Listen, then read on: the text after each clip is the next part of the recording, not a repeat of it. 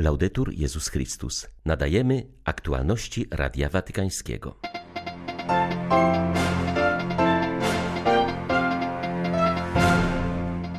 Po modlitwie południowej papież Franciszek zaapelował do przywódców państw o pomoc dla cierpiących mieszkańców Haiti i Wietnamu. Zwiększa się liczba aktów wandalizmu w amerykańskich kościołach. Od maja zanotowano już ponad 100 takich przypadków. Głos z Jasnej Góry pod takim tytułem ukazała się antologia nauczania prymasa Wyszyńskiego, którą zaprezentowano w częstochowskim sanktuarium. 31 października wita Państwa Łukasz Sośniak. Zapraszam na serwis informacyjny. Przed modlitwą Anioł Pański papież Franciszek mówił dziś o rozważaniu Słowa Bożego. Wskazał, że musi ono przenikać całe nasze serce i umysł. Kiedy Słowo rezonuje w nas, odbija się echem w życiu. Oznacza to, że Pan przebywa w naszym sercu, powiedział Ojciec Święty. Nawiązując do dzisiejszej Ewangelii o uczonym w piśmie, pytającym Jezusa o to, które przykazanie jest najważniejsze, Ojciec Święty zauważa, iż powtarza on wiernie odpowiedź Jezusa, że najważniejsze jest miłowanie Boga i bliźniego. To powtórzenie jest niezwykłe w zwięzłym stylu Ewangelii Marka, musi mieć więc swoje uzasadnienie, powiedział papież. Jaki jest sens tego powtórzenia? Jest to nauka dla nas, którzy słuchamy, bowiem słowo Pana nie może być przyjmowane jak każda inna wiadomość. Trzeba je powtarzać, przyswoić, strzec. Tradycja monastyczna używa odważnego, ale bardzo konkretnego określenia. Słowo Boże należy rozważać. Możemy powiedzieć, że jest ono tak pożywne, że musi dotrzeć do każdej dziedziny życia, zaangażować, jak mówi dzisiaj Jezus, całe serce, całą duszę, cały umysł, wszystkie moce. Musi rozbrzmiewać, odbijać się echem w nas. Kiedy jest to echo wewnętrzne, oznacza to, że Pan przebywa w sercu i mówi do nas, jak do owego dobrego uczonego w piśmie w Ewangelii. Niedaleko jesteś od Królestwa Bożego.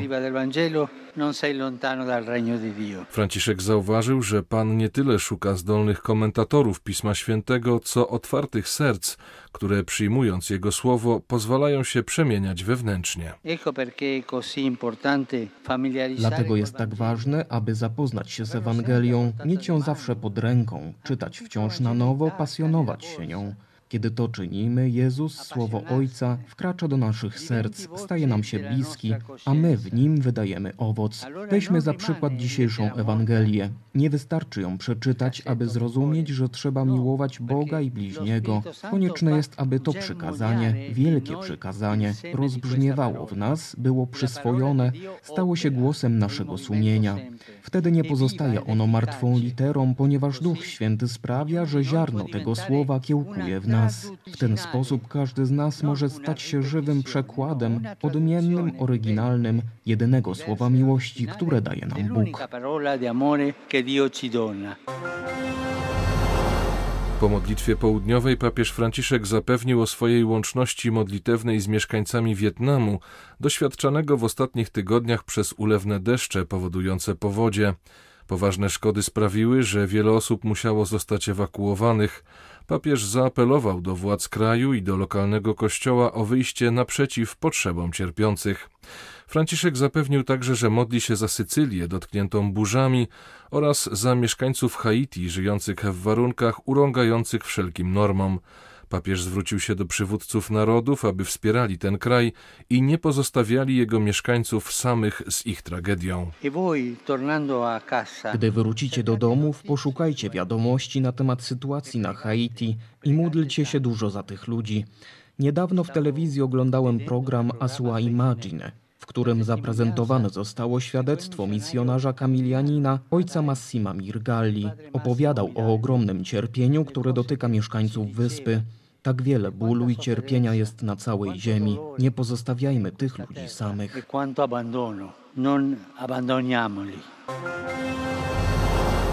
Ojciec Święty napisał przedmowę do książki poświęconej recepcji encykliki Laudato Si autorstwa sekretarza generalnego ONZ. Publikacja w formie e-booka wydana została w związku z rozpoczynającą się dziś konferencją klimatyczną w Glasgow.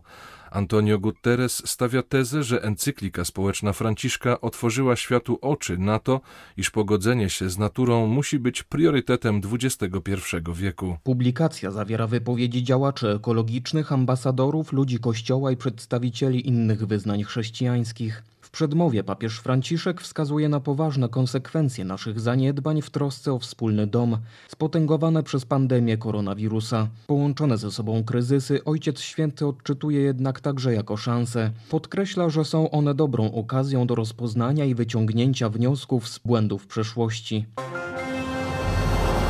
Celem papieskiej Rady do Spraw Kultury jest wnoszenie przesłania ewangelicznego w kulturę oraz promocja Ewangelii w społeczeństwie naszych czasów, także w tym coraz mocniej zsekularyzowanym.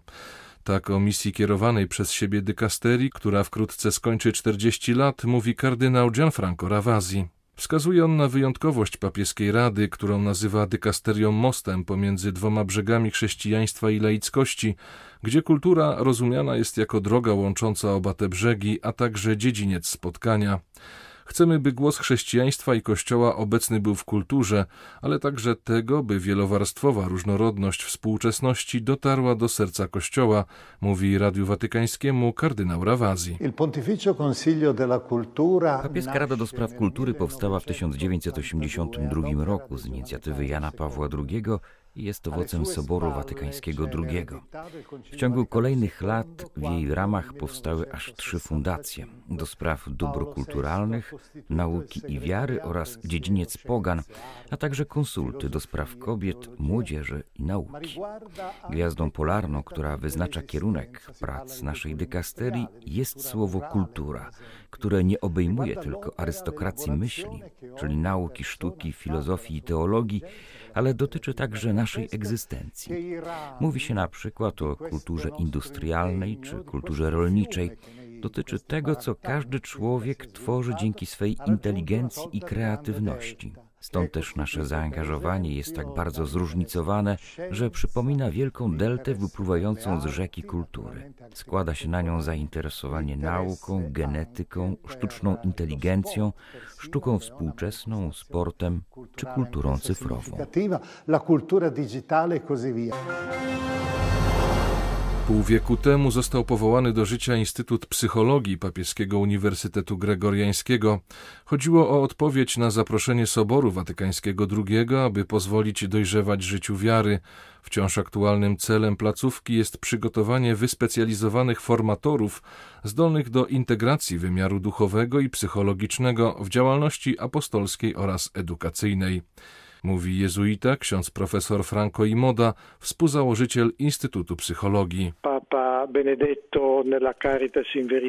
Papież Benedykt w Caritas in Veritate podkreślał, że współczesny kryzys, o którym wszyscy mówimy, jest kryzysem antropologicznym. Nie jest to jedynie kryzys finansowy, ekonomiczny czy demograficzny, ale dotyka on samego rozumienia i sposobu życia osoby ludzkiej. Wyzwanie, o którym mówi także papież Franciszek, dotyczy integracji tych różnych wymiarów życia. Trzeba powrócić do czegoś podstawowego. Czym jest to podstawowe? Papież Franciszek często wskazuje na obraz oczu, rąk i serca. Uważam, że należy pracować z filozofami oraz psychologami w oparciu o ten obraz, czyli łączyć poznanie intelektualne, działanie woli, możliwie wolności oraz odczuwanie, czyli świat naszych emocji. Ważna pozostaje integracja tych wymiarów życia. Integrare questi elementi. Po poniedziałkowym zamachu stanu w Sudanie trwa napięta sytuacja. Wracamy do ery wojskowej, powiedział biskup Yunan Trille, przewodniczący episkopatu Sudanu. Jego zdaniem za przewrotem stoją islamscy fundamentaliści. Zamach cofnął kraj do czasu sprzed dwóch i pół roku, do rządów Omara al-Bashira. Wierzę, że za siłami zbrojnymi stoi Bractwo Muzułmańskie. Przez wiele dni przed zamachem można było ich widzieć na placu Republiki.